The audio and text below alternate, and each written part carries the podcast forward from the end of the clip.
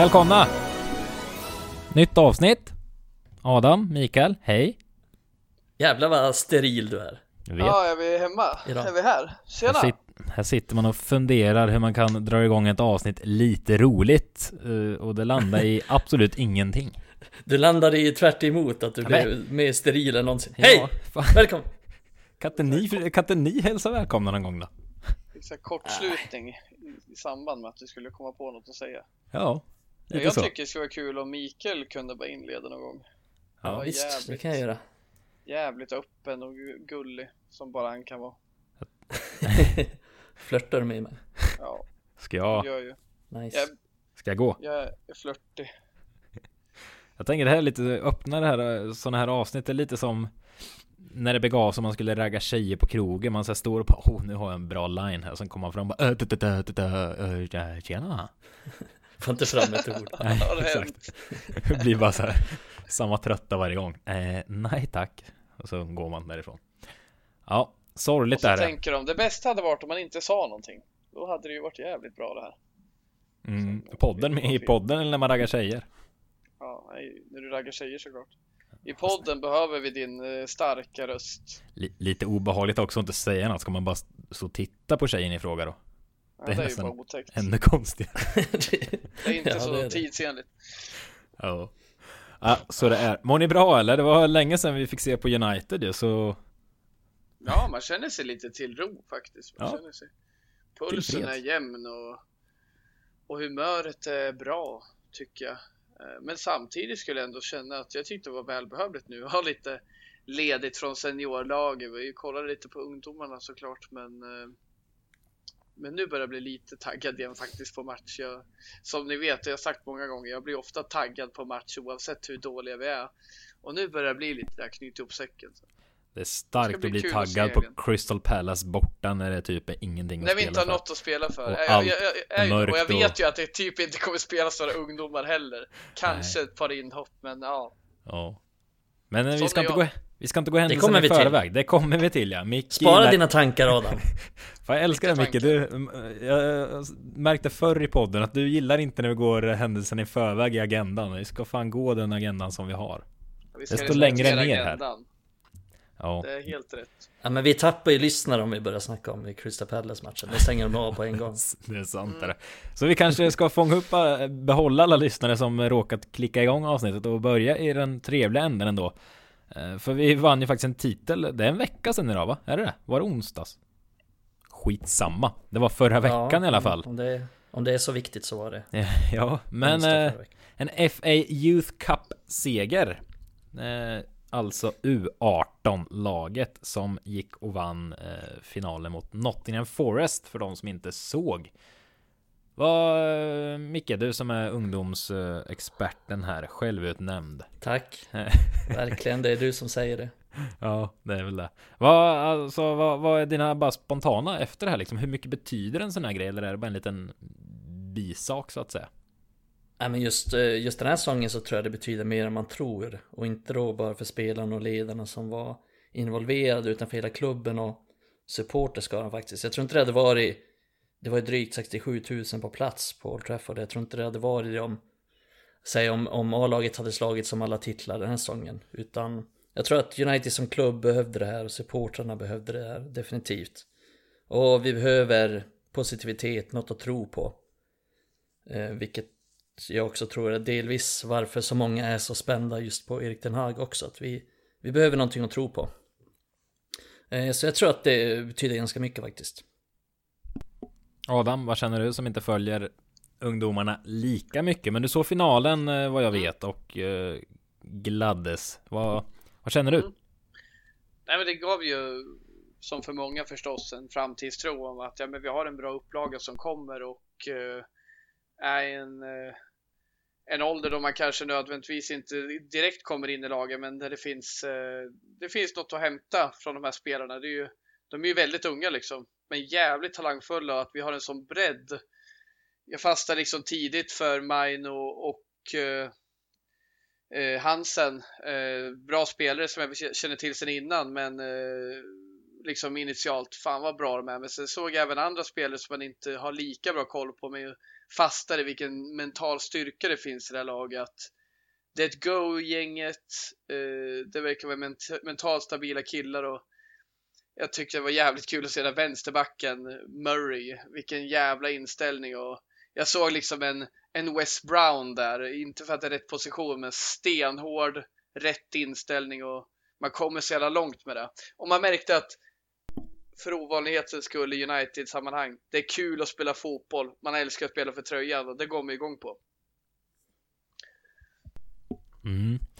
Ja, man är så jävla svulten på framgång också. Det, som Micke var inne på det, att det var mycket folk på Old Trafford. Det, det säger ganska mycket om någonting ändå, även om ja, såklart hade kunnat fyllas upp även om A-laget var framgångsrikt. Men eh, nej, man suktade efter framgång och jäkligt kul att man eh, gick och tog det där. Men eh, alltså hur, hur eh, mycket vänder jag mig väl främst till då? Hur, alltså hur ligger sådana här spelare till? Vad, vad, är det för nivå? Kommer de här börja slussas upp i A-laget nu? Eller vad? Det, det känns som folk, om man får generalisera lite, tänker att åh, nu får vi se de här gubbarna i A-laget. Men eh, är de riktigt så nära? Hur ser det ut? Oh, jättesvårt att svara på.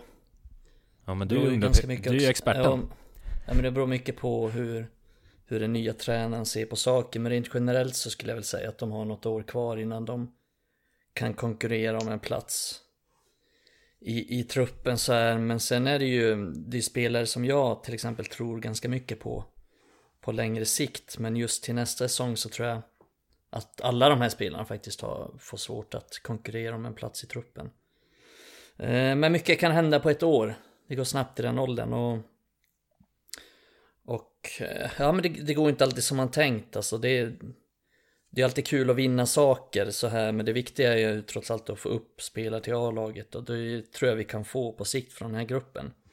Men jag brukar alltid dra den här jämförelsen med till exempel att Revel Morrison lyckades inte i United medan McTominay gjorde det. Så det är ganska viktigt med den här mentaliteten. Men det jag gillar med den här årgången ungdomarna nu jämfört med förut det är att de har de är jävligt, Adam var inne på det, de har jävligt bra mentalitet på planen.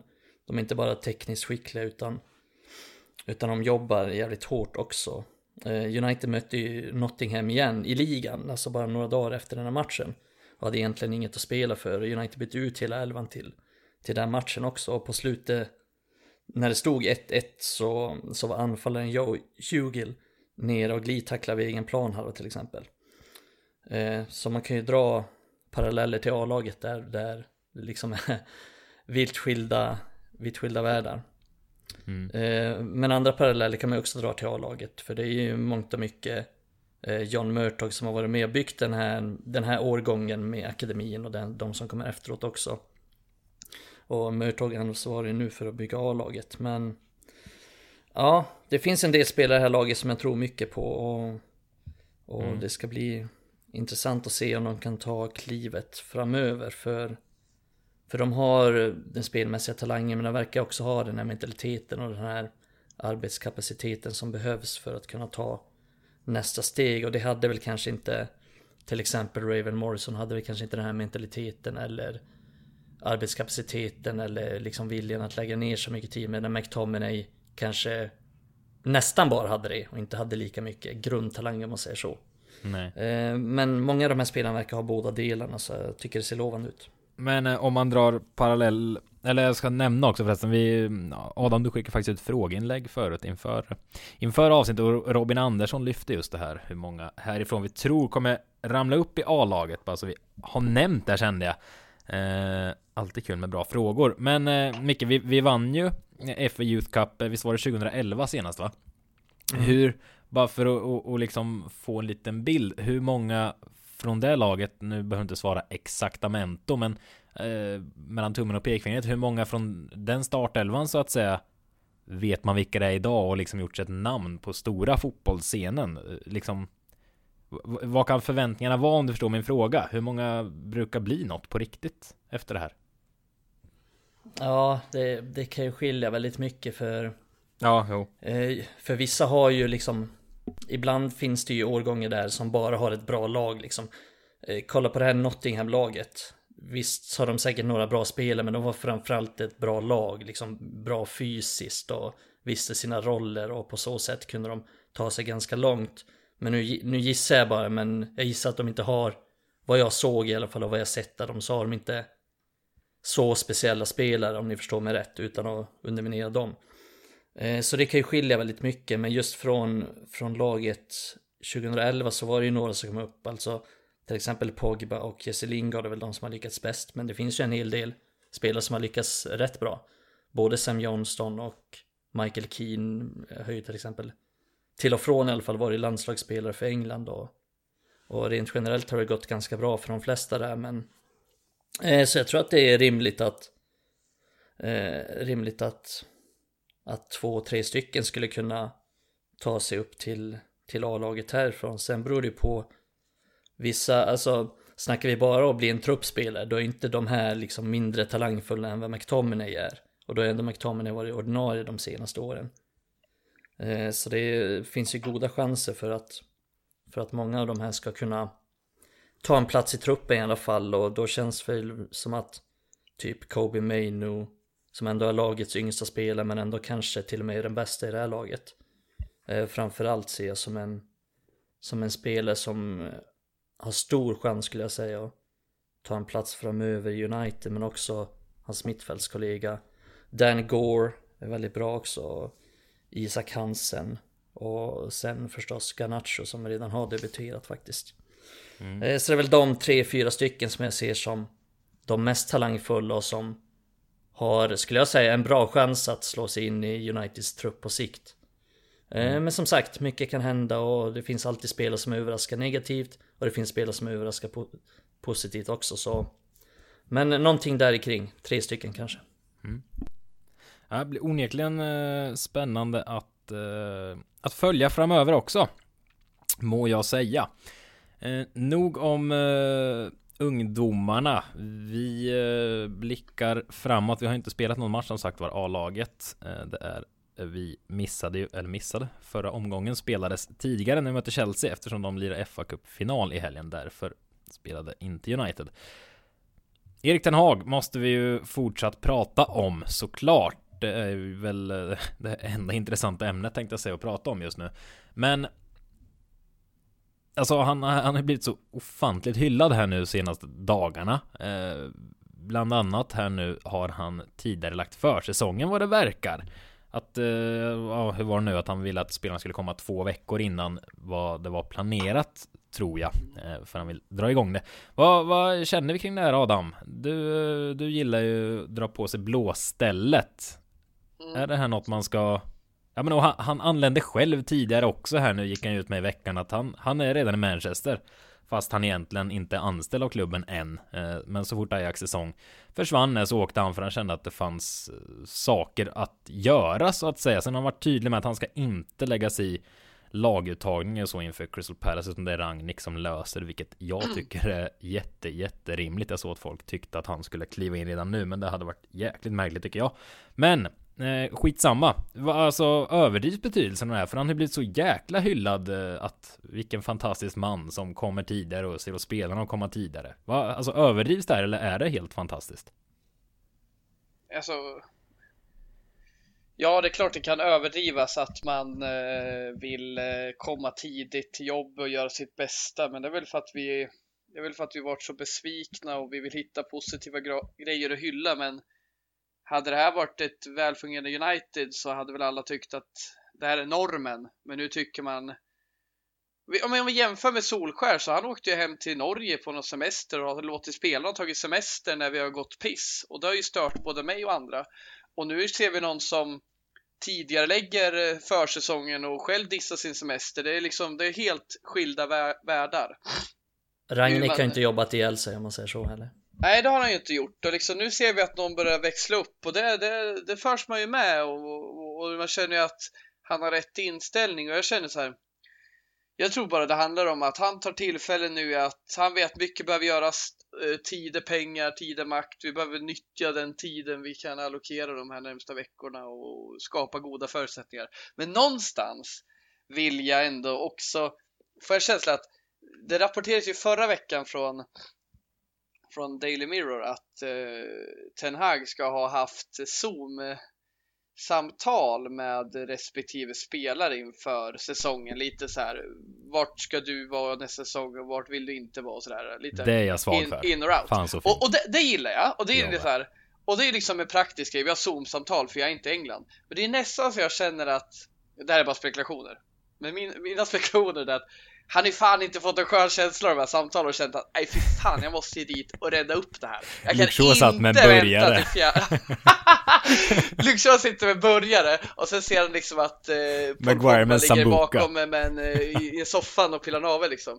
Och, och Maguire är packad när han ringer. Och, och liksom... Han har en sån här eh, blommig skjorta på sig. Ja, Jadon Sancho är, är förkyld. Han bara, vad, vad fan, är du inte frisk än? Han bara, nej jag, har halsfluss tredje veckan här. Ja, men liksom, då känner jag att fan, han måste rädda upp det här. Helt plötsligt så drar han till Manchester och säger upp sitt kontrakt med Ajax. Något är ju skumt. Så han känner nog att fan vad jag måste städa upp här. Och, och det är kul för jag tänker så här, fjärde juli. Visst att spelarna är tillbaka då, men det är ju ganska sent för han att komma in. Jag tycker eh, Mergen sa det ganska bra i gruppen. Nu är det ju inte Ten Hag som bestämmer exakt vilka spelare som eh, ska in. Det är ju Murtog som jobbar med den processen. Men att Ten Hag är ju in, är inte inflytande och kommer såklart vara med och påverka. Men att, att han kommer in tidigt och driver på sina, sätter krav på sina chefer i ett tidigt stadie. Det tror jag kan påverka United positivt. Så jag ser det som väldigt positivt, kul, men också lite besynnerligt att man efter de här Zoom-samtalen åker över kanalen och eh, ser till att saker händer. Vem vet?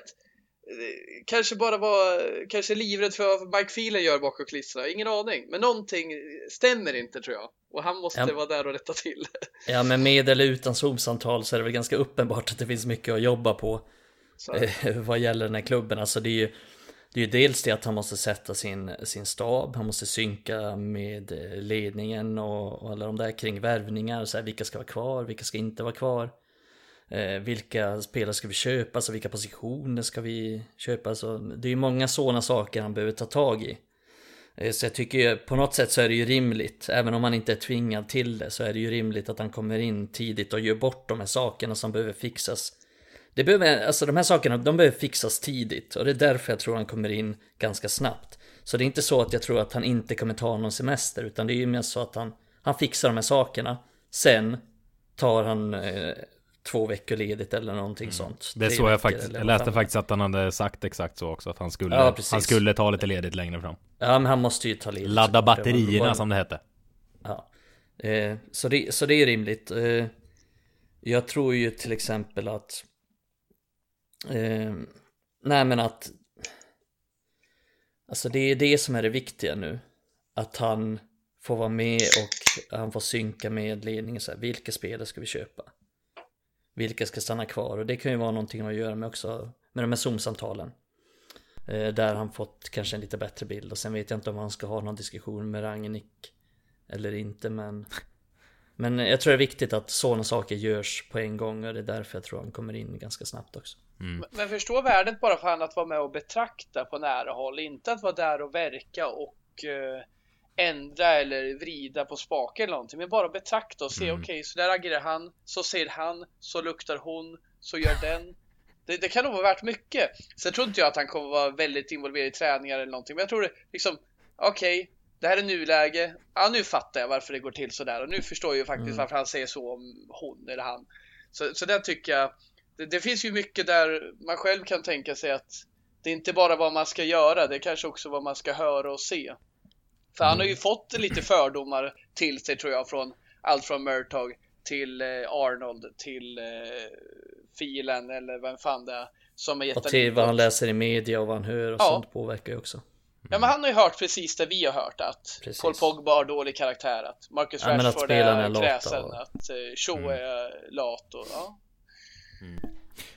Ja, exakt, och sen tror jag, jag tror till exempel David Moyes underskattade hur mycket han behövde göra i United. Han tog ju väl sin semester tidigt och, och tog såklart varenda dag han kunde ta semester också. Då gick det som det gick men... Nu, Han är nu så det jävla sexig på de där semesterbilderna som finns på honom. Ja, när han ligger fan. där. Jag såg det för någon dag sedan också. Varför då? Väcker jag frågor. Varför du såg dem? Mycket frågor. Den finns på, finns, den finns på min hårddisk. Den finns eh, på... Den det finns, många på, bilder på min hårddisk som aldrig borde tagits. Den finns på Red Army Sverige-poddens eh, podd eh, Twitterkonto imorgon. ja, det, det, det tänker inte jag ta på mig att lösa det kan jag säga. Nej, men jag löser det. På virus. Fan. Men eh, nej, jag tänkte bara knyta ihop säcken. Ten Hag eh, sa det själv i en intervju här. Nu sitter jag inte på källan. Jag tror det var någon holländsk media. Eh, där han fick frågan att Ralf Rangnick kommer att förbereda laget inför Crystal Palace. Vad gör du i Manchester just nu? Och då svarar han själv att jag kommer att stanna här. Jag kommer att möta folket från Manchester här. Jag kommer att organisera tränarstaben, göra ett schema inför nästa säsong och förbereda laget. Jag vet vad Manchester United förväntar sig. De vill ha titlar. De vill komma tillbaka till där de var tidigare var. Vi måste arbeta med en stor idé och arbeta extremt hårt. Alltså när jag läste det första gången, det här var i förrgår eller något tror jag. Jag fick en liten, liten rysning. Det... mm. Låga krav kanske, men... Äh, det, det känns bra alltså. Det går inte att... Det går inte att förneka. Ja, det, det, Mikael, det du också snackade om det här med låga krav man har, men det är ju så. Vi kommer dit att fan, man blir glad bara man får lite ärtor på tallriken. Bara man liksom någonting, bara något vi kan jobba Ja men alltså det, det där hade ju alla vi tre kunnat säga om vi skulle starta in det. Ja. Liksom. Det är inte så att... Det är, ja, det är inte men det är samma med, citat. Det är samma med Ragnik. Han förlorar varenda match och liksom har inte gjort ett enda rätt som tränare i princip. Nej. Men han säger på presskonferensen att alla är dåliga och att jag inte behöver nya spelare. Och yay! Jävlar vilken king! Det var faktiskt Satan en... vad grym! Vi fick faktiskt in en fråga kring det också att det ja, var Ro det. Robert Reves här vet jag ville höra mannen från norr göra sin sum summering av Ragnik.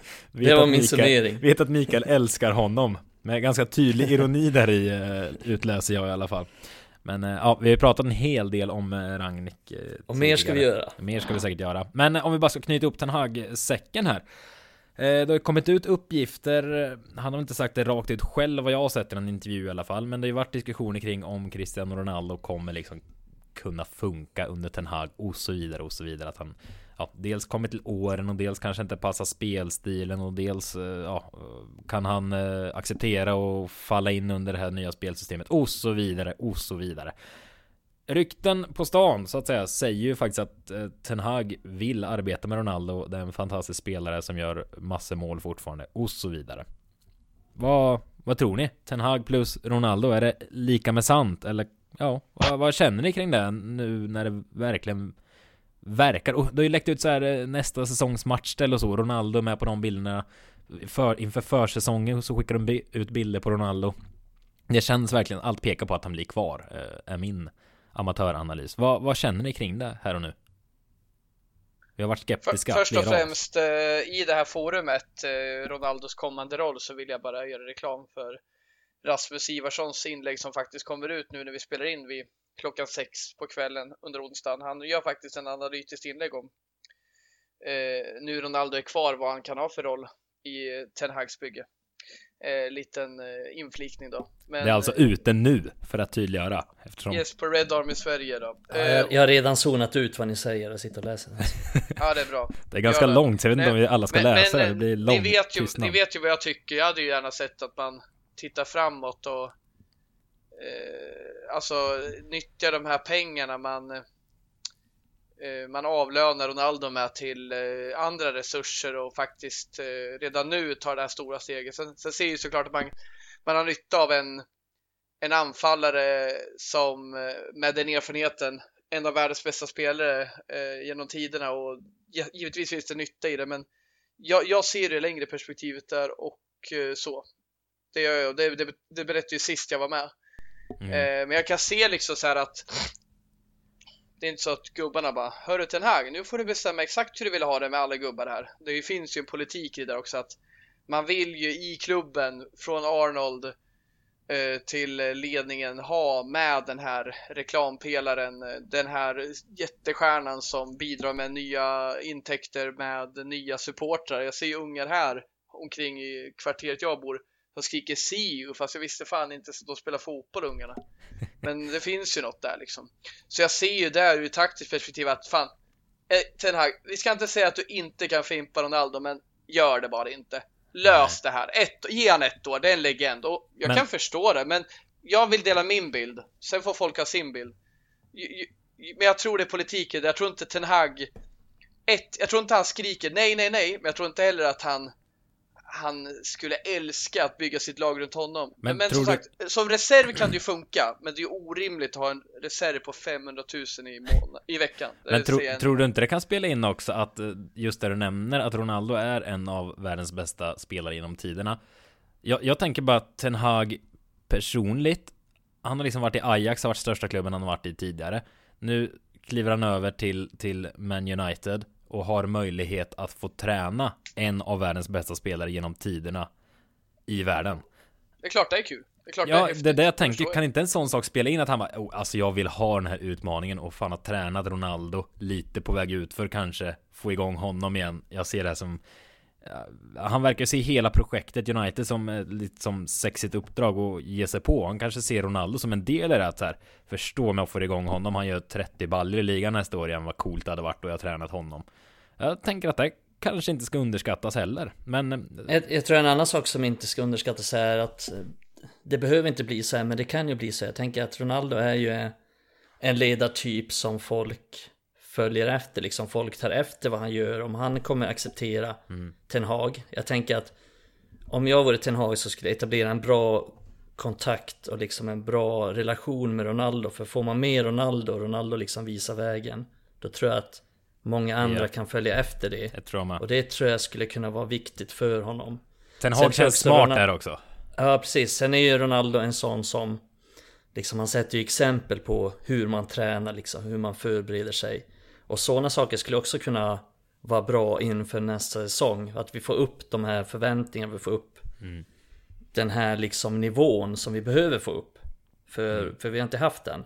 Eh, På så sätt så tror jag att Ronaldo kan vara Kan vara viktig, sen tror jag inte att Liksom, vi kommer inte stå och falla med honom rent spelmässigt så här. Jag tror inte att han nu har han gjort flest mål den här säsongen och är väl ja, kanske en av de bästa, liksom. Han är väl en av våra bästa utespelare den här säsongen, det är väl inget att snacka om. Men det säger ju inte så mycket heller eftersom alla varit så jävla dåliga. Men jag tror inte att han kommer vara den bästa eller ens den näst bästa nästa säsong. Men jag tror att han kan vara viktig med de här grejerna. Men sen får vi se hur Ten Hag använder honom. Det, är- ja, det, det har jag svårt att säga för jag är inte tillräckligt kunnig på Ten Hag. Alltså jag vet inte hur han tänker, jag vet inte hur han resonerar. Jag vet inte riktigt hur han vill ha sina spelare. Jag vet inte ens vilket spelsystem han kommer använda. Så jag tycker det är svårt att säga just nu innan truppen är satt och, och så. Men ja, för mig så kvittar det liksom. Om han är kvar eller om han inte är kvar. Nu verkar det som att han blir kvar men jag, är- jag är inte så brydd liksom. Eh, Erik Niva sa det i, i studien att United-fans resonerar lite så här nu att ja, det- spelar ingen roll om liksom hela truppen försvinner. Och lite så känner man ju. Jag bryr mig inte om Ronaldo försvinner eller om Maguire försvinner eller om Fred försvinner eller McTominay försvinner eller om ens de Gea försvinner. Egentligen. Jag är helt okej med om, om Ten Hag säger att nej men jag vill inte ha Ronaldo och de Gea, de ska säljas nu i sommar. Då tror jag ni också säger bara, ja fine, Ja. det, jag köper det. Så jävla sorgligt att man tar Ja. en enda spelare man känner att den här gubben måste, måste, måste vara kvar. Så- Nej, det alltså, säger så Sancho jäkla känner mycket. jag alltså. väl- Jo visst, men samtidigt, du, det är Nej inte men så att du... Sancho, det är också så här, visst har inte det är bara för att vi hår. köpt han nyligen, men jag tycker det är intressant den här diskussionen överlag, vilka spelare man ska ha eller inte. Någon bara, ah, det är bara de här spelarna som är tillräckligt bra. Vadå tillräckligt bra? Rashford var en av våra bästa spelare för några år sedan och nu är han jättekass, absolut. Men nästa säsong då kanske det är Sancho under dålig coachning som är Ja, skitkass. men, det är ju exakt. en bra spelare i grunden, men lika väl som man tycker nästan att många borde gå och återuppliva så nej fan, alla kanske skulle bara väck egentligen. Så det är en bra poäng där. Ja, men kolla vilka, här, kolla att, vilket... att Ronaldo om han drar, det bryr jag mig inte om. Men att han är kvar, det tycker jag faktiskt är... Jag tycker det inte är så strategiskt liksom, men jag har bra poänger. Han är en ledare, stark ledare som får med sig gruppen.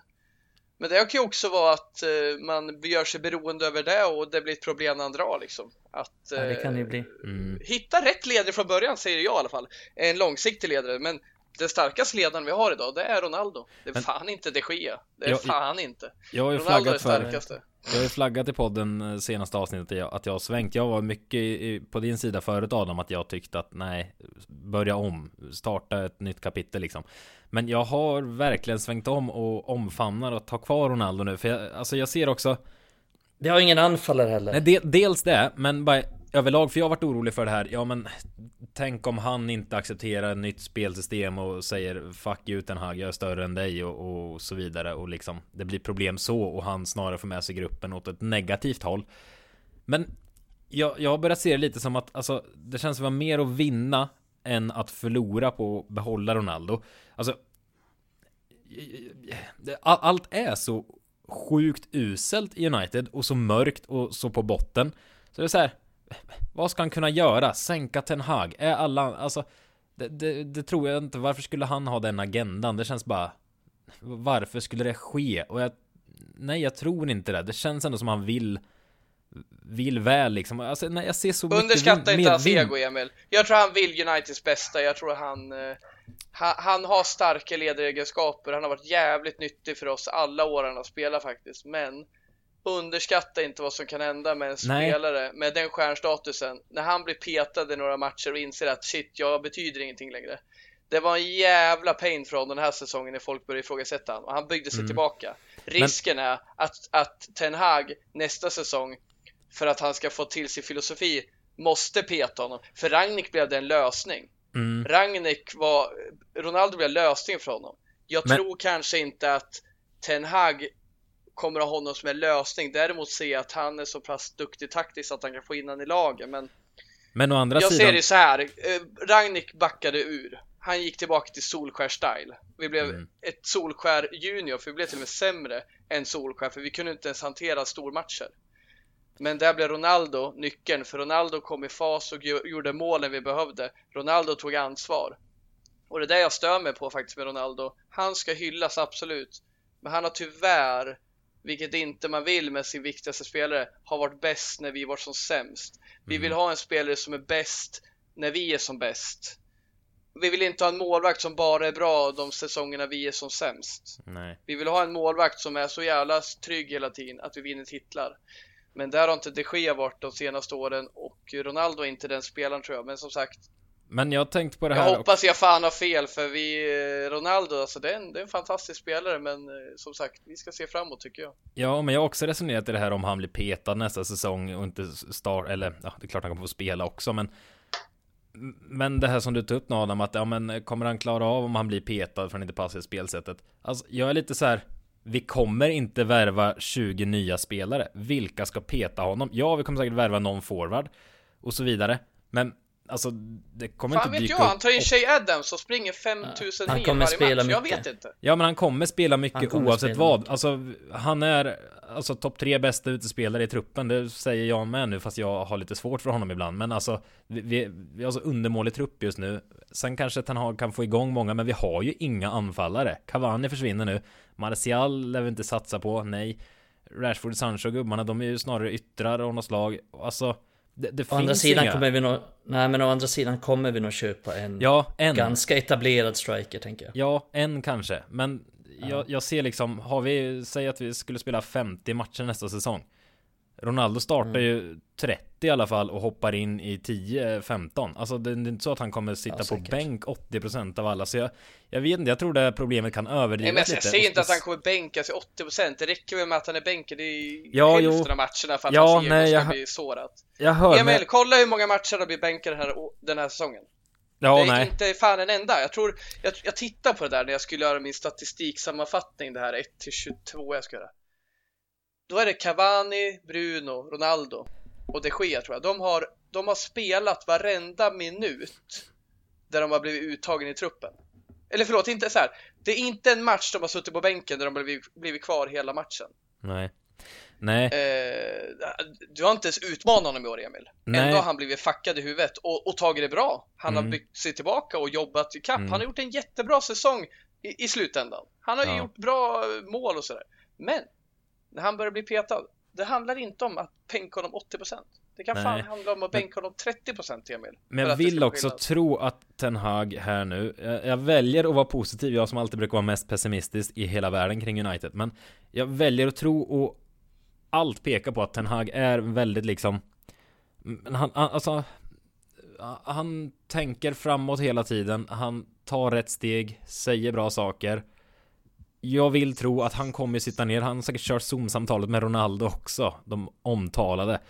Jag vill ju tro att han kommer sitta ner och säga Tjena Cristiano Du är Du börjar pusha åldern rätt högt Du är fortfarande typ bäst i laget Så här är det nu, vi kommer applicera den här spelstilen Vill du vara med på tåget? Jag kommer inte starta i 50 matcher nästa säsong Accepterar du det här? Jag vill att du går i bräschen, visa på träningar, visa på matcher När du spelar, när du inte spelar så hjälper du till Och liksom med din erfarenhet och, och, hjälper till som avbytare som en fin ledare i truppen ändå.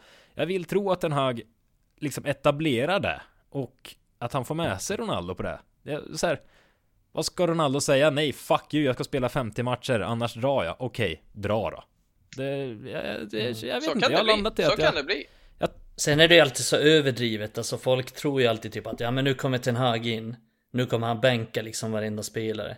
Men förmodligen så kommer han spela, inte ett helt lag som är helt olikt. Liksom nej men det, det finns ju inga andra liksom. Eller? Nej, nej men precis, men så är det ju. Och det samma, folk säger ju samma sak med Ragnik, alltså bara nu jävlar kommer han in, nu ska han sätta krav, nu ska han ändra allting. Men i slutändan så spelar han ungefär samma spelare som Ole spelade. Mm. Och eh, det är väl klart, det kommer finnas spelare som Ten Hag inte gillar.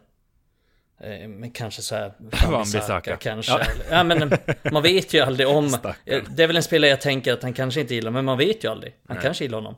Men eh, i det stora hela så kommer han ju inte göra Ja men Nej, dels han kan han inte göra så stora förändringar men Jag tror inte heller att han Folk tänker såhär bara Maguire måste bort på en gång Men jag kan ju tänka mig att Han kommer spela Maguire en hel del mm. Eh, så jag tänker det är, man, man överskattar alltid den saken tror jag Man tror alltid att ja men han kommer bänka honom, inte spela honom en minut men I slutändan så Så spelar de som alltid har spelat ganska mycket, mest ändå Och i slutet De som av ser dagen nykter på det, de, de är nog mer liksom jag håller ju med där. Väl ing, alltså, jag vet inte om jag har hört att många har sagt att man ska bänka allihopa, men just att det är många spelare som som inte passar in alls i hans sätt att spela och det är ju Van Bissaka en sån som inte ens kan ta emot en fotboll liksom. fan passar Och han sen, eh, sen har man ju ifrågasatt Ronaldos work rate, men den har ju varit bra under förhållandevis bra under våren. Sen Ja har men ändå, ändå dålig i- jämfört I med passningsskugga. Ja Där men ändå liksom dåligt spelare. jämfört med Med de flesta andra liksom mm. Exakt. Eh, Om vi kollar på topplagens anfallare så springer ju de mycket mer Så här, man kollar antal pressar och sådär Nu Mm. ska vi inte hamna i den diskussionen, alla vet att Ronaldo inte springer så mycket Men jag håller med om att han har sprungit mer Mm. under... Men jag, jag han har ju faktiskt, han har ju faktiskt bättrat sig under våren, det har han gjort. Han har tagit tag i sig själv. mm. Det har han han har bra. spelat bättre, alltså varit bättre överlag Men tror ni inte det kan spela in också att Dels tror jag både Ten Hag, jag tror ledningen Jag tror även supportrar, i alla fall vi som sitter här och pratar nu Och många på Red Army Sverige-sidan Åtminstone de supportrarna jag har mest kontakt med så att säga det känns som alla har ändå accepterat att vi behöver inte gå för ligatiteln nästa år. Det liksom, Vi tar till och med om vi bommar Champions League-plats nästa år. Bara det börjar hända grejer. Det tänker jag är ytterligare ett argument för att det, det gör inte så mycket om vi har en Ronaldo på topp som kanske inte passar in 100-100 i Ten Hags spelsätt. Men han finns där som en ledare som sätter standarden inför det nybygget och sen kliver av säsongen därpå när vi har två nya hungriga forwards som är jätteduktiga och utvecklat någon tredje.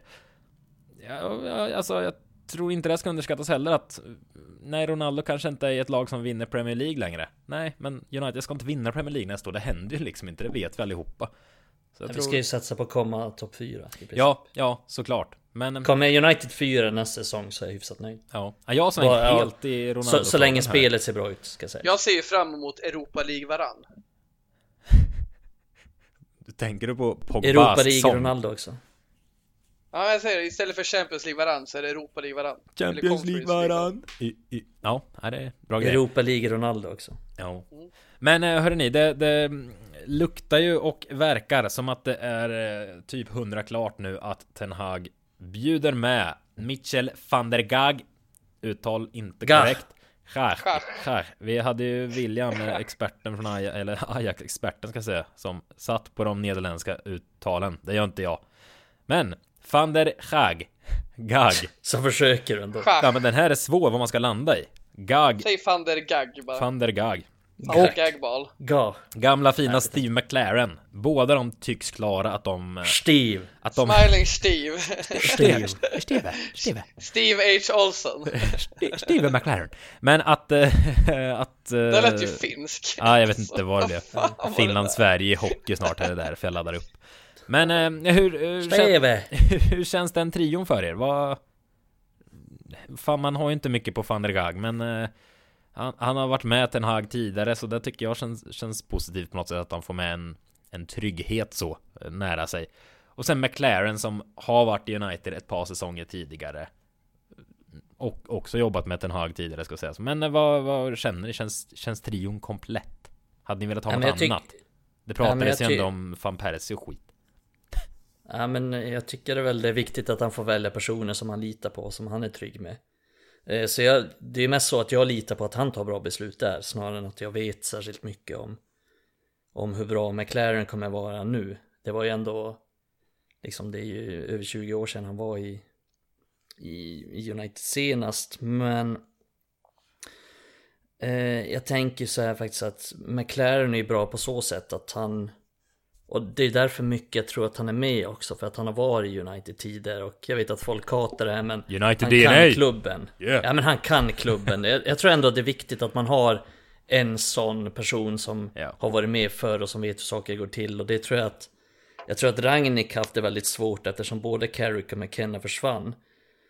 Eh, det tror jag han har lidit mycket av. Han fick ta in eh, coacher som kanske inte riktigt höll måttet och som inte har någon erfarenhet av den här nivån överhuvudtaget. Och det har blivit mycket hans fall men eh, Så jag tror det är nyttigt att han har en Att han får in någon med erfarenhet från klubben och, och det tror jag McLaren kommer bidra med Sen kommer ju Alltså Van Gogh Fan, jag- vi måste hitta något Ja, men jag ser nu för fan, säg bara van der Gag. Ja, men det är det, där Gag, det står. gag. Sluta larva nu. det känns som det är så Gagball. jävla långt Kalla ifrån. honom bara gagball. Gagball Men. Gagball verkar vara Mitchell. Men han, han verkar vara ganska smart Jag lyssnade på På någon sån här jävla Ajax-expert eh, Som snackade och han sa att Gagball kan 6-7 olika språk och, och det kunde ju även Vi hade ju Carlos Queiroz, tidigare som kunde många språk och Det sa ju Ferguson att det, det hjälpte väldigt mycket att få spelarna att trivas och kunde kommunicera med alla spelare. Ja precis, och sen verkar han rent sig allmänhet vara väldigt bildad. Alltså en väldigt bildad person och kan mycket om fotboll och liksom är smart. Smart i allmänhet. Så jag, så jag litar ändå på att jag landar ändå i att jag litar på att Erik Ten Hag tar, tar bra beslut här. Att han får in han får in ledare och tränare som han litar på och som han tycker är de bästa för det här jobbet. Så eh, det känns väl spontant bra. Sen får vi väl utvärdera det senare, men spontant känns det bra. Håller med, håller med Mikael där liksom att, att eh, det är en sak om det här hade varit ett beslut från klubben att ja, men vi ringer eh, Japp Stam eller Van Persie eller eh, någon bara, de är holländare. Det låter väl bra? Van der Gag? Nej jag ska, nej men vad heter det, Erik Ten Hag? Nej, säger han. Liksom, det här är hans egna beslut att ta in honom. Som Mikael säger, man har ju förtroende i det han gör och i alla fall vi två då, säkert du med Emil och säkert många med, att det är hans beslut att ta in. Han har ett stort förtroende för McLaren. Han vet vad han åstadkom när de jobbar ihop. Han vet att han kan klubben. Framförallt också att han kan engelsk fotboll. Han har varit förbundskapten. Ingen jättelyckad session, men han har lett klubbar och eh, lång erfarenhet av engelsk fotboll där han i flera olika decennier fått leda klubbar. Så, så, så det gillar väl jag att det är hans beslut och att det inte det är något populärt beslut från eh, klubben bara för att det känns naturligt. Det blir ju som en slags en översättning från en tränare som kan holländsk fotboll över till engelska fotbollen som vi har i McLaren och han kommer inte vara den med mest inflytande men han kommer vara en viktig kugge tror jag där. Och jag har ju läst folk som jämför med filen men där har vi ju en helt annan nivå av taktiskt kunnande i McLaren. Vi har en som faktiskt har lyckade sessioner i fotbollsklubbar som huvudansvarig till skillnad från filen. Tror vi har Filan som- varit aktuell som förbundskapten någon gång? Nej, det är ju där han inte varit. Kanske i Burundi eller någonting. Men fan inte i England. Och, och liksom, eh, ja men så det känner jag väl att det, det känns, jag är bra, jag, jag är verkligen med på dig Mikael. Förtroendet med. ligger i vad Erik Ten Hag tar in. Och där känns bra och jag tycker absolut att han kan klubben men den här gubben kan engelsk fotboll. Det är inte bara någon som jag kan jämföra med, Mike Phelan som egentligen bara har United i sig. Han fick en, på en räkmacka gled han in i Hall och gjorde kaos med den klubben. Men McLaren, han har, ja men, den gjorde Middlesbrough, jätteimponerande. Twente, ännu mer imponerande. Jag skrev det till er i vår interna chatt. Eh, vår e- interna interna. på poddchatten mellan oss tre. Ja, jag, tror fan att, jag tror fan att. McFeelan hade skickat ner 20 till eh, andra divisionen samma säsong som eh, McLaren vann ligan. Japp. Så, så, så, så skillnad har jag i förtroende. han har ju väldigt mycket erfarenhet, sen får man inte glömma att han har erfarenhet också från eh, Från trippelsäsongen i United med Ferguson men också från engelska landslaget så han har ju väldigt bred erfarenhet Mm. Såväl nationellt som internationellt så Det tror jag är det viktiga med honom där Mm. Att han har den kunskapen om, om fotbollen och den erfarenheten Det tror jag kan bli viktigt i den här vägen framåt Och Samtidigt sen är när vi inte... utvärderar om två, tre år. Åh, vi vann FA-cupen och vi vann, eh, vi kom två i ligan.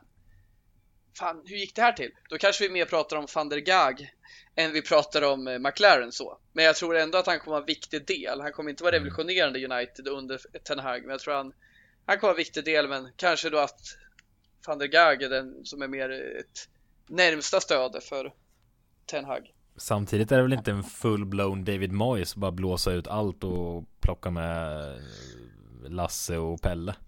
Alltså det känns Nej, det känns genomtänkt allting och sen läste jag också eh, igår tror jag det var att det verkar som han vill han har liksom pinpointat att han vill ha kvar Eric Ramsey som vi i och för sig har raljerat lite kring kanske under säsongen men Ja men det, allt känns lite genomtänkt för en gångs skull eh, Vilket har varit en röd tråd under våren trots allt eh, med Murtag och Arnold och hela Hela ballongen rensas ut så det Big Dick Arnold Strikes again Ja Nej det, det känns eh, Rensa, gör horhus, rensar huset hur fan Ja. vad han rensar alltså. Ja. Rens-Janne ska vi kalla honom från och med nu.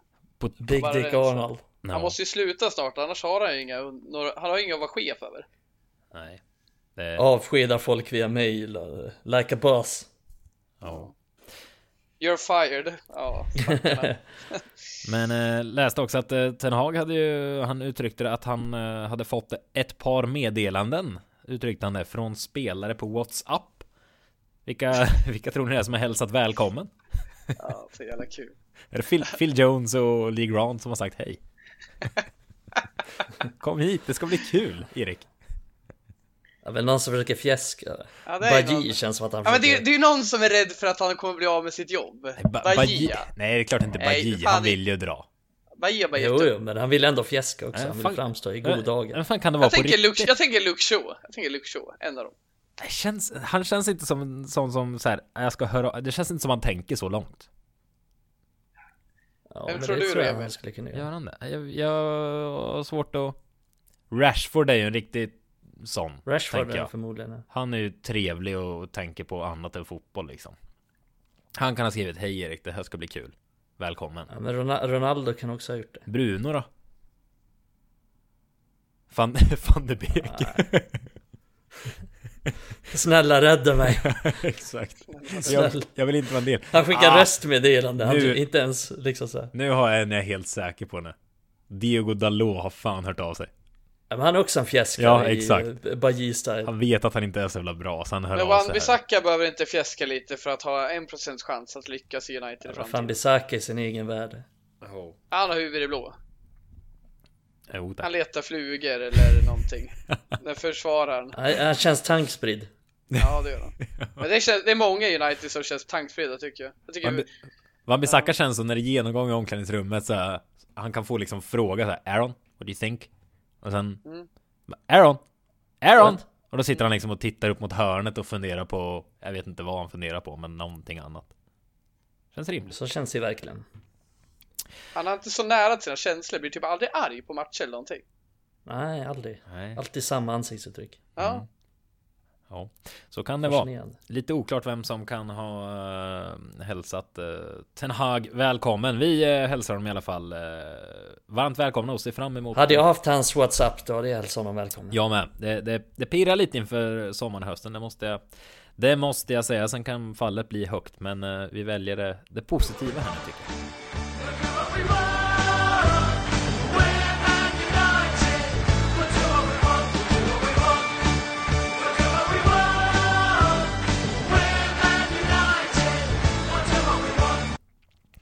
Hörrni, vi har ju hyllat eh, Erik Ten Hag här nu och eh, hans eh, troligtvis assistenter. Att det känns bra Eh, någon eh, som eh, det inte verkar vara lika glatt kring är ju faktiskt Ralf Rangnick, vår kära interim manager. Det, det har dykt upp lite uppgifter där senaste veckan att eh, spelartruppen ska ha varit väldigt missnöjda rakt igenom med, med liksom kvaliteten på träningarna och Ragnik har inte varit delaktig alla gånger. Då har hans assistenter som han hämtar från fan MLS var i USA säger mycket. Mm. Men eh, att de eh, håller inte måttet alls och, och ja, men det som kollades ut var väl att spelarna, att det var mycket bättre träningar under Carrick McKenna när de eh, roddade. Men alltså hur, alltså vad, vad, läser ni ut av det här? Är det så här fruktansvärt illa eller är det spelarna som fortfarande dårar som många vill få det till hela tiden? Ja, det är alltid så jävla ensidigt i den här diskussionen. Ja, det... Antingen är spelarna dårar eller så är Ragnik Går inte att se båda dåre. sidorna av myntet. Det, Nej, precis, det har folk svårt känslan... för i dagens samhälle. Ja, verkligen. Men känslan är väl att Ragnik gett upp lite. Eh, han har inte nått fram till dem helt enkelt. Det, det, jag får väl anta att det är det. Jag vet inte riktigt någon annan anledning. Men som med allting är det väl en kombination av olika saker. Och jag läste ju den artikeln som du refer refererar till. Det är väl det Atletic som skrev den där. Yep. Där Chris Armas och Sharp håller i träningen och spelarna ska vara väldigt missnöjda med det. Eh, Ragni försökte ju få andra tränare med sig. Eh, jag tror att han försökte få Jesse Marsh som nu är i Leeds, men han misslyckades väl med det och så fick han ta dem som fanns liksom, som han kände till och som han, som han litar på till viss mån, även om de inte höll sig hög klass. Så. Men om vi säger så här, hans uppgift som interim var, var ju att förbättra laget, få lite glädje igen, spela bättre fotboll, kanske utveckla någonting. Eh, man kan ju fråga sig, har han klarat någonting av det? Nej, det har han inte. Det har han inte egentligen. Eh, och jag ser det jävla argumentet hela tiden, jag blir så trött på det. Ingen kan göra någonting med den här truppen. Eh, jag tänker så här, USPen man har som interim är att man kan komma in och förändra saker på kort tid, alltså med ganska enkla metoder, man kan få dem att trivas eller göra någonting nytt. Alltså Ole gjorde det med nästan samma trupp, Carrick fixade det med exakt samma trupp. Nästan alla tränare som är interim fixar det, får någon slags effekt på laget. Eh, och det jag tänker är väl att han skulle gjort som, lite som Carrick gjorde, att han skulle varit mer pragmatisk, satsa på försvaret, spela lite omställningsfotboll. Men istället känns det mest som att han absolut inte gjort någonting. Lite som jag sa innan, att han har gett upp. Spela alla, fortsätter spela alla spelare som var dåliga under, under Ole, snacka skit om att pressa och spela ungdomar, sen kör han på med Cavani 35 och Ronaldo 37 liksom. Och, och, eh, och fortsätter på den vägen och vi, jag kollade statistik på typ de tio senaste matcherna tror jag det var, eller ja, de tio senaste matcherna i ligan. Och vi är det fjärde sämsta laget i hela ligan, de tio senaste. Så det är, det är nästan, alltså, spelar vi som nu spelar de tio senaste matcherna så, så åker United ur ligan. Alltså så dåliga har man varit. Man trodde liksom inte att det kunde bli sämre än det var under Solskjaer, men på något sätt så har han ju lyckats få det att bli ännu sämre och det är faktiskt helt sjukt att han har lyckats med det. Vet du vad jag tycker är kul? Ro, Ro, Robert Reves får precis som han ville här nu. En, en utläggning från Micke om är fan vad han har lärt känna det genom podden. Att det... Ja men fan Brentford har tagit dubbelt så många poäng som United man, under den tiden. Det är helt sjukt. Ja, det är ganska given etta på vad man sätter i vänstra hörnet. Oh, Helvete. Men, uh... 22 poäng har Brentford tagit de senaste, jag tror det var 10 alltså, matcherna. United har tagit 11. Men alltså som interimtränare och ta över en sunkig grupp, det är klart det är tufft liksom. Mm. Det är ju mm. inte omöjligt som vissa kan säga att ingen kan få igång de här spelarna. Solskär hade inte alls lika sur trupp, men han hade också en sur trupp han tog över. Han gjorde jättebra resultat. Det är ju många exempel på tränare som tagit över trupper där folk har kritiserat alla spelare. Tuchel ett exempel, han var ju fan Champions League. Exakt. Mm. Så, så, jag känner lite så här att, ja men han är ju verkligen undermålig. Och jag står kvar i att jag tror att han kan bidra på ett sätt i sin konsultroll. Men ska vi snacka isolerat till tränartjänsten, inte tillräckligt bra. Och han är ju en filosof, inte en interim. Eh, Nej, och samt, exakt, det, det, fan, det, exakt det, det, det är bra nu. Han är, det är inte rätt roll för honom. Han är ju en långsiktig byggare, inte ja. en kortsiktig lösning. Så men, men som mm. sagt, han blev erbjuden och tänkte ja, vad spännande. Jag lämnar eh, Lokomotiv Moskva här innan kriget bryter ut och sen drar jag till Han United visste något och... vi inte visste eller? Kände jag nu. Ska, ja, inte, skoja, det... ska inte skoja och raljera om kriget, men eh, fan. Nej, han stack i rättans tid. Gjorde han. Men sen kan jag känna här med spelarna. Ja, han, han lever ju drömlivet. Liksom, han blir inte, nu avbryter jag här för att jag är så jävla inne på det här jävla ämnet. Han, han, han lever i drömlivet liksom. Han kommer in i United och ligger på nedflyttningsplats de sista tio matcherna och han blir tokhyllad ändå så det är ju fan vilket jävla drömjobb han har. Otroligt faktiskt. Ja. Fa- Nej, fa- så- Sitter han, Fattar man sen sitter han och säger helt givna saker på presskonferensen. Liksom så. Fatta Ja, men United, som vi har sagt i podden i flera månader. Inte fan blir vi hyllade för det. Fatta Adam kliver in fan. som chef på ett företag. Gör ingen, ingen nytta alls själv egentligen. Men sitter och härjar om alla han har anställda under sig och blir hyllad av omgivningen. Ja, det är helt sjukt. Är helt, rätt, sjukt. helt rätt Adam, helt rätt. Såga de här jävlarna nu. Ja, det var kul. De behöver höra det. Ja, ja. De behöver veta att de är dåliga. ja det, Hela världen behöver veta det. det är roligt där. Det, det är mörkt men det är roligt. Men för att svara lite på det där med spelarna kan jag känna att ja, jag förstår att spelarna inte är nöjda med träningen och nöjda med tränarstaben överlag. Det fattar jag. Jag fattar absolut att eh, tränaren inte är nöjd med spelarna och det förstår jag verkligen liksom. Det känns som det är många som inte gjort sitt bästa för att de inte har mått bra och inte känner att de är på rätt plats och är svaga karaktärer överlag. Men sen känner jag liksom att till tränarstabens försvar så har vi även upplevt att många har uttryckt enligt rapporter en missnöje mot eh, den träning som fördes under Solskär med.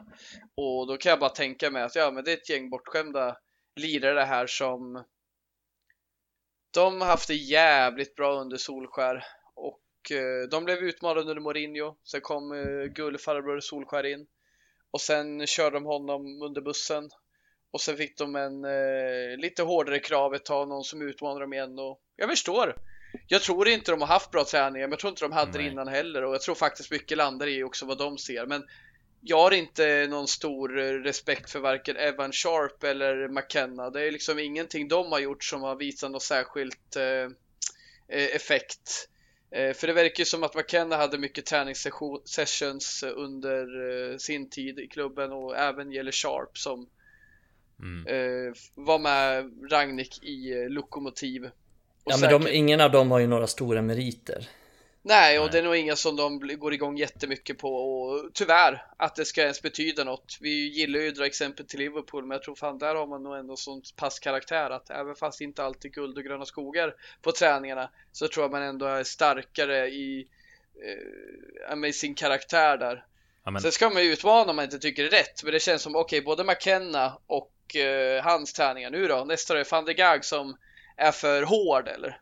Det är Mm. jävla eh, Men- nötter till spelare många av dem, så jag har Ja inget det, det förtroende är det ju i också, det vill ändå Det klargöra att jag också tycker Ja. att det, Men- det är vi väl överens om. Det är klart att det är många i den här gruppen som är som är hopplösa fall liksom och det är många i den här gruppen som behöver rannsaka sig själva men jag tror inte att den här gruppen är omöjlig att få igång och jag tror att Ten Hag kommer lyckas ganska bra även om det blir svårt men att få igång den här gruppen och och, och kunna få dem att, tro på hans idéer. För det handlar ju, du nämnde Klopp men det handlar ju mycket om ledarskap också att du måste få dem att tro på de här sakerna du gör.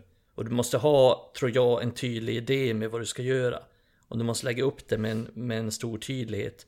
Och jag tror inte att vi snackar, ja men alla drar ju det här argumenten om att ja men de gjorde inte si eller så under Solskjaer heller, de gjorde inte så under Rangnick men jag landar ju att jag tycker inte att de är tillräckligt bra tränare, de är inte tillräckligt stora namn, de har inte tillräckligt mycket respekt för dem.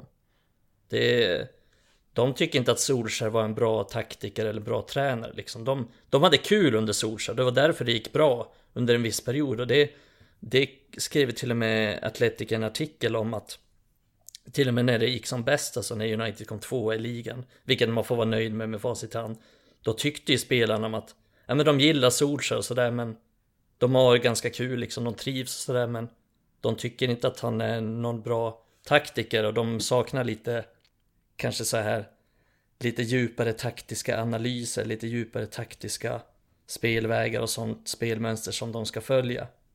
Eh, och det är väl det är lite så man kände också när man såg eh, laget under Solskjaer att ja, men han fick till bra stämning och sådär men han var väl inte den den bästa vad gäller taktik och så här vad gäller tydlighet i sättet att spela och det tycker jag inte Ja men Rangnick har ju uppenbarligen inte heller fått igenom sina idéer på så sätt och Mourinho tycker jag också är lite oklar i, i sitt sätt och han har väl visat ganska tydligt efter United om att ja, men han är inte särskilt bra längre på att få med sig en grupp eller ens vara särskilt imponerande i sina resultat heller.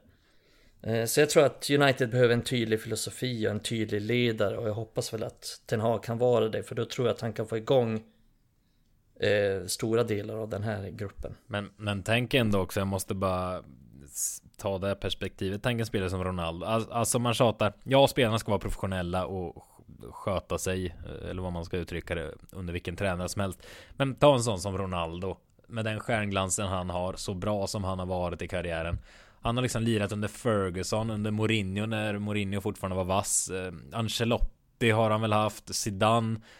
Och sen kommer han tillbaks till United och då är Ole Gunnar Solskär tränare som var någon glad norrman som han lirade ihop med ett par säsonger i United och nu är han samma glada norrman som är där och inte riktigt vet vad han gör.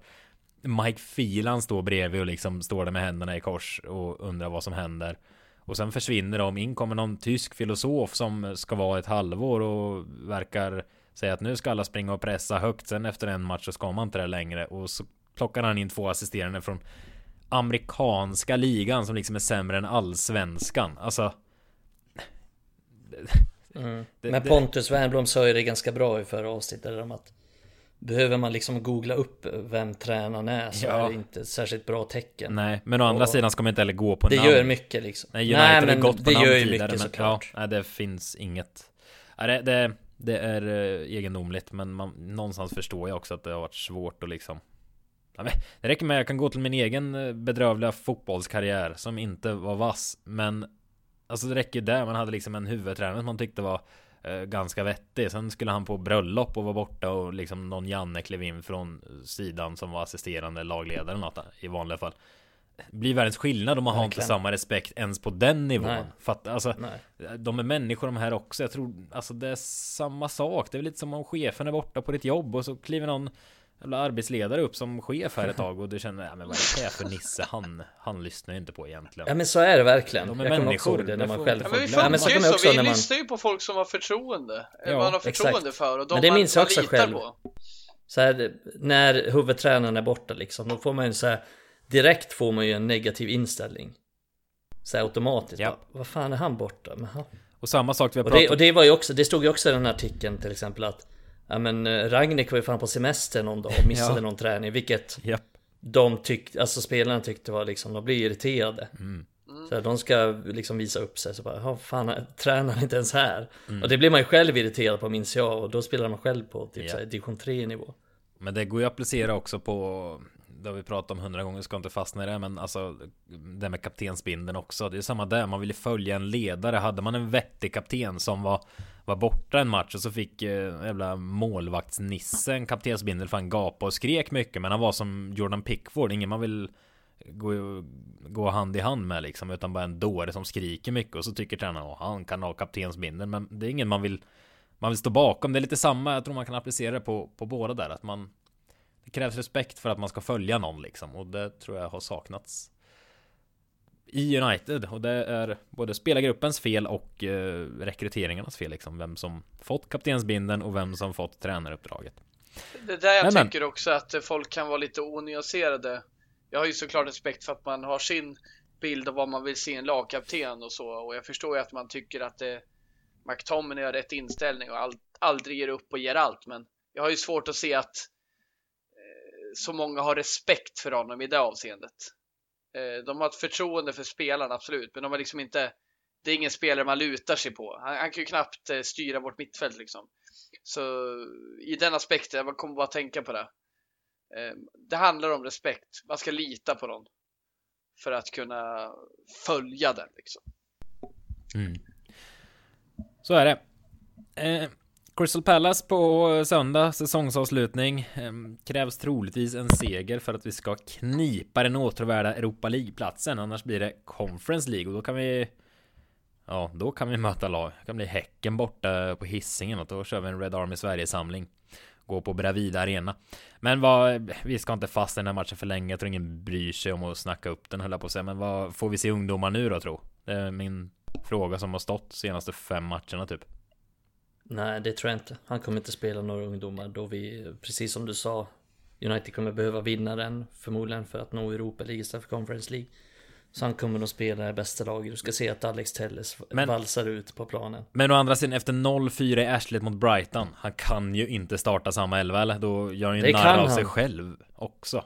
Ja, Nu är vi Ja, tillbaka är på förtroende och vad man har för respekt och mitt förtroende för Ragnik som coach är ju nere i botten så jag tror absolut han kan göra något sånt galet.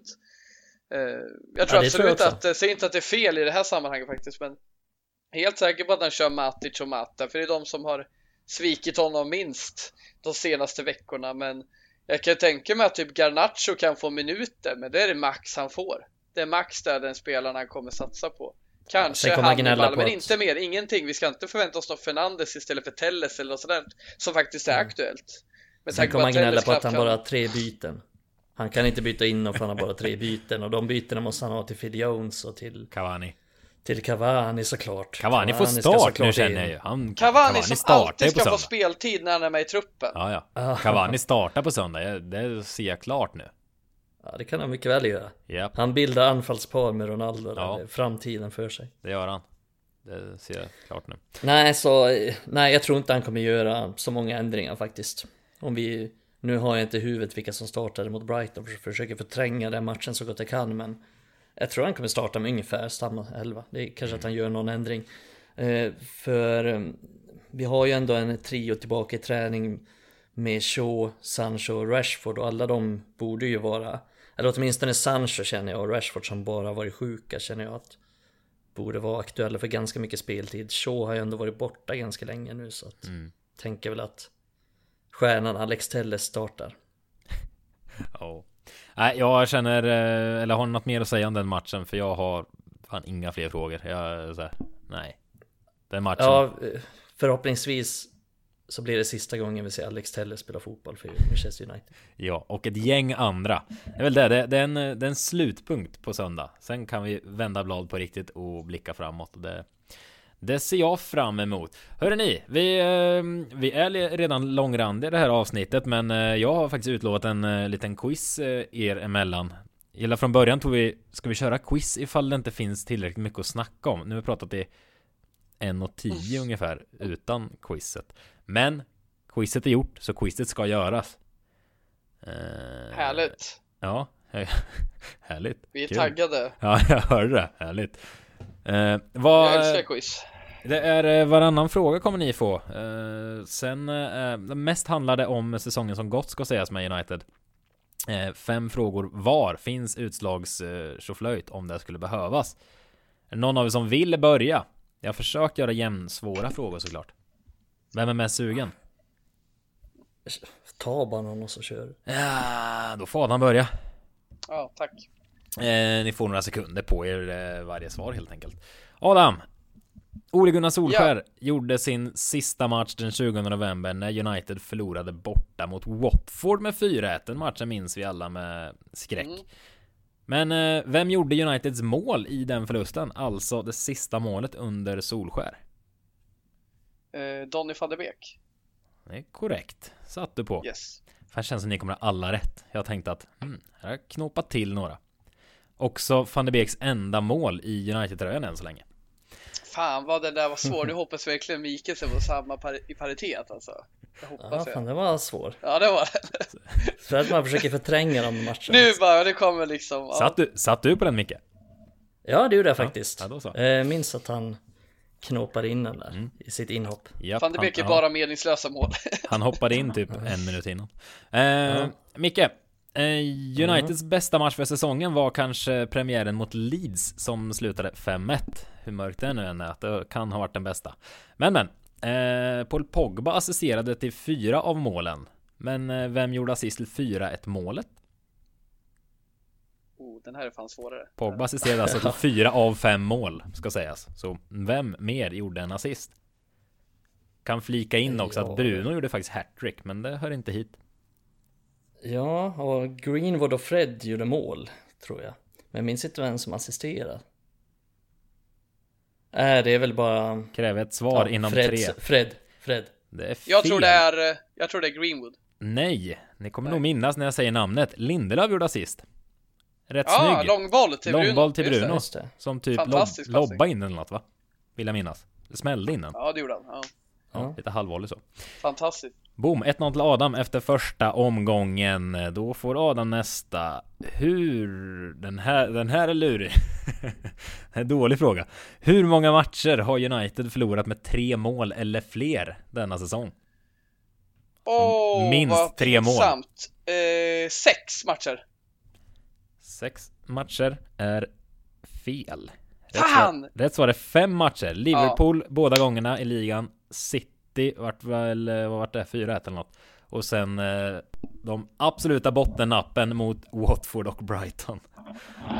Anledningen att jag var snabb att svara på det här är för att jag har med det i mina säsongen i siffror och då hade jag för mig det var sex. Men fem då? Okej, fan. Det, det är också mörkt. Det är liksom våra... Vår, Ja, våran stadsrival City har vi torskat med mer än tre mål. Liverpool två gånger. Det är liksom Liverpool. Och sen är det sopgängen Watford och Brighton. Det... Ja, det är mörkt. Men så är det. Micke! Oh. Tre gånger har United fått rött kort under säsongen. Vilka tre spelare har dragit på sig dessa? Den här är svår. Tar den här så... Den här kan jag. Eh, Är Tre röda eh, kort. Pogba, Tre olika spelare ska jag säga. Tre, Pogba, Van Bissaka och Maguire. Det är rätt. Korrekt. Det är rätt. Snyggt. Sitter ni på matcherna också på rak arm eller? Ja, eh, Van Bissaka var det mot Young Boys och sen var Japp. Pogba Liverpool. Japp.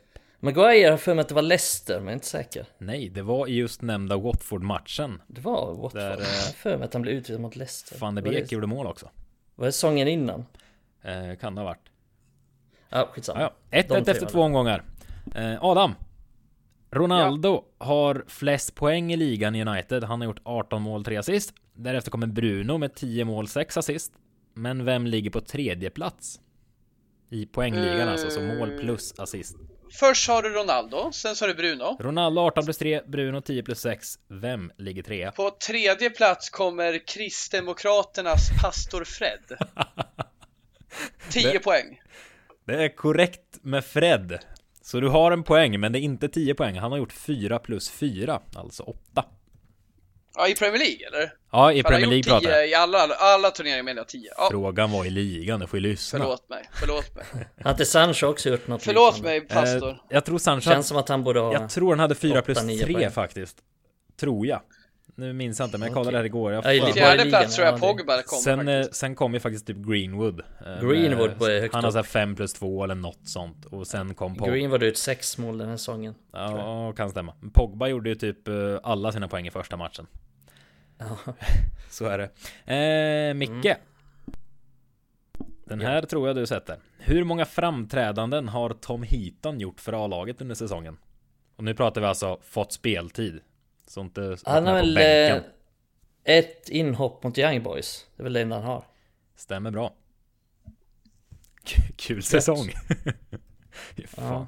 Men men. Ja, Han, det är otroligt att vi kan någonting överhuvudtaget från den här säsongen. Ja. Jag känner mig väldigt okunnig kring den här säsongen Mm. med tanke på hur den har utspelat sig. Psykiskt Men men, det går hyfsat bra jag, hittills. jag hade ju gått riktigt dåligt i den här quizen. Jag är så fruktansvärt usel på att komma ihåg eh, grejer från matcher och så. Så det är mörkt. Men men. Skönt att sitta på den här sidan. Eh, Adam. United har haft en eh, mönstrad ljusblå och vit färg på bortatröjan under säsongen. Men vilken färg har shortsen till det stället? Eh, De är ju blåa. Ja, de är blåa. Det där var ju lätt. Ja, Fan, det, tänk- jag, jag får ju alla lätta frågor. Jag, jag satt och var orolig för att Mikael skulle få lätta. jag satt Ja, och det är ganska svåra frågor. Jag satt och funderade på den där igår och bara, vad fan är det för färg egentligen på shortsen? Känns som en jag, är det idiotfråga Ja, i eh, Filip och Fredriks Alla Jag mot blev alla. fan livrädd när du sa den. Lite Ja, idiotfråga jobbigt. faktiskt. Eh, Micke, ja jag inser nu att varannan fråga, eh, Micke har faktiskt fått lite svårare bana kan jag tycka. Men men, Ja men kör, det är högre Vill- Ja, vilken spelare som fått någon form av speltid i år har haft högst tröjnummer?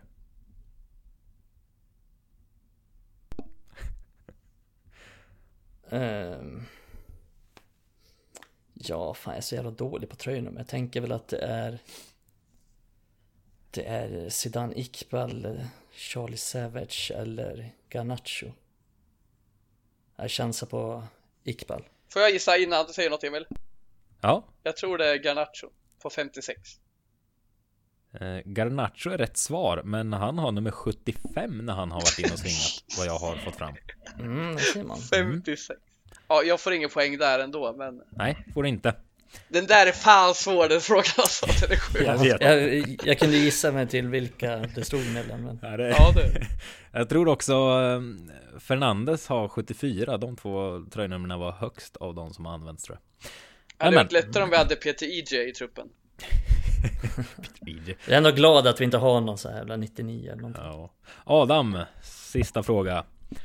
Eh, hela sex spelare som var en del av truppen i premiären mot Leeds tillhör av olika anledningar inte truppen i nuläget. Så vissa eller någon kan vara utlånad och tillhör man inte truppen i nuläget enligt mig.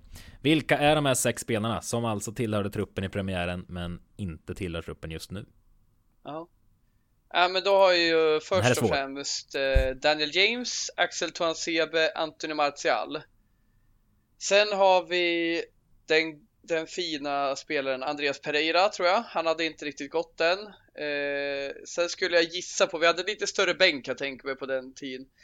Eh, så jag, jag killgissar nu, nu har jag fan inte koll riktigt. Men... Du har sagt fem namn. Eh, har jag då? Nej, förlåt. Fyra namn har du sagt. Förlåt mig. James Tuansebe, Martial, Pereira. Japp, de har du sagt. Sen säger jag Chong och eh, Greenwood. Nej, Greenwood tillhör ju klubben, eller hur? Du menar han tillhör klubben? Nah, nej, Greenwood är faktiskt Nej. rätt ska jag säga. Jag anser Ja. att han inte tillhör truppen just nu. Ja, Men du får inte rätt för du har faktiskt bommat på ett par. ja okej. Eh, en kommer du tycka är jobbig, men Micke, har du någon att flika in? Han har missat två Nej, jag namn. måste säga att jag har zonat ut. Det var för jävla dålig fråga. Eh, rätt var det här. Daniel James, Mason Greenwood, Andreas Pereira, Williams, Donny van de Beek och Martial. Ja, Donny van de Beek ja, fan. Ja. Stackars Donny, alla glömmer honom. Brandon Williams, stackarn.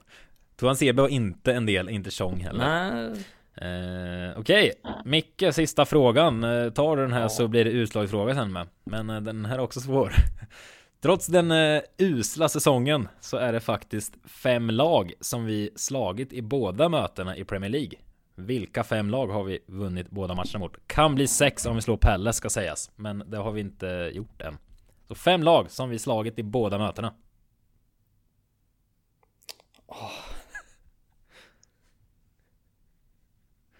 Leeds... Eh... Jag kommer faila tidigt på den. Mest för att jag inte Ah. orkar. Men Ah, Leeds... Eh... trodde du kunde lösa den här. Nej, det kommer jag nog inte kunna. Det blir ett bra poddavsnitt här, jag sitter tyst och tänker. Adam sitter och fnittrar. ja, precis. Pillar Det är alltid lätt när man inte får den frågan. Eh, vilka fan har vi slagit mer? Vi har faktiskt slagit något lag, det, det hittar bara på. Jag har varit chockad att det var, var på. Mikael, var tänk så på alla vi har vunnit mot. De har vi vunnit dubbla mot. Det är typ så enkelt där tror jag fan mig. inte att inte att det är enkelt, men jag tänker efter. Det borde ju vara någon sån logik bakom det. Att har vi vunnit mot typ Brentford så har vi gjort det två gånger. Fler segrar får jag inte ihop. Ja, Leeds har du Leeds har du prickat in mycket, det är fyra kvar. Ja men okej, men eh, Burnley Brentford eh, West Ham kanske? Är jag rätt eller? Luktar kryss som West Ham, gör det inte det? Ja, du har ett fel. Fan... Du har failat faktiskt tyvärr. Okej. Burnley har Men, väl eh, 1-1 match mot. Men du har rätt Fan, på. Leeds, du har rätt på West Ham, det, på du har West Ham rätt på. Brentford. Vi vann borta Japp. och hemma mot dem. Du har rätt på Leeds, Brentford, West Ham har du rätt på. Två till är det. Du har failat, men eh, Adam vill hjälpa till? Nej. Ett är ett, Nej, eh, ett är ett lag som ligger ovanför oss till och med. Tottenham. Ja. Tottenham, visst. Och sopiga Norwich har vi faktiskt slagit båda med. Fan blir det inte oavgjort borta? Nej. Nej det blev det inte.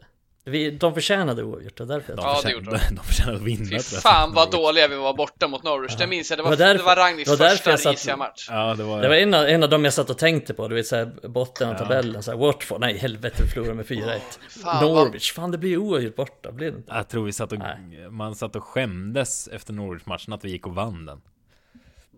Vill jag minnas. Men men, Adam, Ja, 3-2 så är det. seger. Mycket starkt. Tackar, tackar. Starkt Adam. Satt Tack. ju på utslagsfrågan som jag hoppades vi skulle få. Att det är 16 olika spelare som gjort mål under säsongen. Så ville jag att ni skulle nämna en i taget hela tiden tills någon failade. Hade varit spännande. Men, Ja, fan, det kan vi köra. Det blir kul. Ja, Okej. Kör. ja vänta då ska jag ta upp mitt lilla, för de sitter inte på huvudet ska jag väl säga. Det Här nu börjar är, bläddra med papper så här. Blädderljud. ja, det här är också från eh, Min källa är BBC Sport Hade någon lista här som var mycket uppdaterad uh, Micke du får börja i det här nu då Och Ja, vänta, re- regeln med- är för övrigt eh, Man ryker ju om man säger samma som någon annan sagt Eller om man säger fel Ska jag försöka Okej. hålla Ja. koll här med Ja, Japp. eh, jag börjar med Ronaldo. Rätt Yes. Bruno. Rätt Fan ni går i bästa målskyttar också Fan, börjar redan nu börja tänka. Har han gjort eh, det? Rashford. Rashford. Rätt Pogba. Rätt, han har fan bara en kasse Jävlar. Tar en med. Vi säger i Sancho. samtliga turneringar nu Emil. Ja, Ja. Sancho Sancho. korrekt Eh, då säger jag eh, eh, Greenwood. Korrekt Sex gubbar, Elanga. tio kvar Elanga, Elanga. rätt Eh, van de Beek. Van de Beek Dra åt helvete. Försök också skriva Eh. Cavani. Cavani, korrekt Två kassar, stark Bra säsong, han jobbar hårt Eh, Martial. Ja, där Långt ner lån, en kassa har han Det är en kasse. Ja, på 11 matcher Eh, Lingard. Mm. Gjorde väl ett av målen mot West Ham? Ja, det gjorde han. Ja, där var han, förlåt mig Ja, han har två kassar, han gjorde ju väl um, två i rad där på något sätt Det var någon mer match han hoppade in Ja, och just gjorde mål där På kort tid. Inte två vilka det var. mål. eh, Korrekt Eh, McTominay. McTominay, två mål Mm. Maguire. Maguire, två mål Det sa Mikael Fred förut. Nej, det har han inte sagt Nej. Då säger jag Fred. Korrekt Helvete. Nu kan jag. Nu kan jag säga som så Att vi har Hur många är bara det kvar ens? Vi har bara spelare kvar som gjort Ett mål, vänta jag ska se En, två, tre 4, 5, 6, 7, 8, 9, 10, 11, 12, 13 Fan har, ni har bara varsin gubbe kvar att lösa Här är Det är snyggt Och det är Mikaels tur nu. Det är Mikaels tur Två gubbar Eh, kvar, de har gjort varsitt mål Varann. Varann, korrekt Jaha, Och då Adam säger jag eh, Lindelöf. Det är fel Nej! Alex Telles va? Alex Nej. Telles har gjort en kasse Han gjorde fan Nej, ett har snyggt han mål ju. det? Nej men vad fan! Ja, jag trodde ingen... Ja, Ah, okej! jäkla skott Men han har gjort fyra assist Telles, kan det stämma? Ja, det stämmer. Han har ju slagit några hörnor. Otroligt Det stämmer. De enda som inte gjort en enda poäng den här säsongen, vad jag vet, som är aktuella att snacka om, det är faktiskt våra högerbackar, Fan Bissaka och Dalot. De har ju noll mål och noll assist. Vilka pajaser. Man kan ju önska att de gjorde en assist i har alla fall. Ja, Exakt. Telles har typ fyra assist den här säsongen. liksom Lin ja, Ja. Lindelöf sitter på två assist Telles, ju hyfsade Telles fyra assist Telles. Det räcker tyvärr inte för att spela. Då hade jag kunnat spela United, det är också hyfsade hörnor.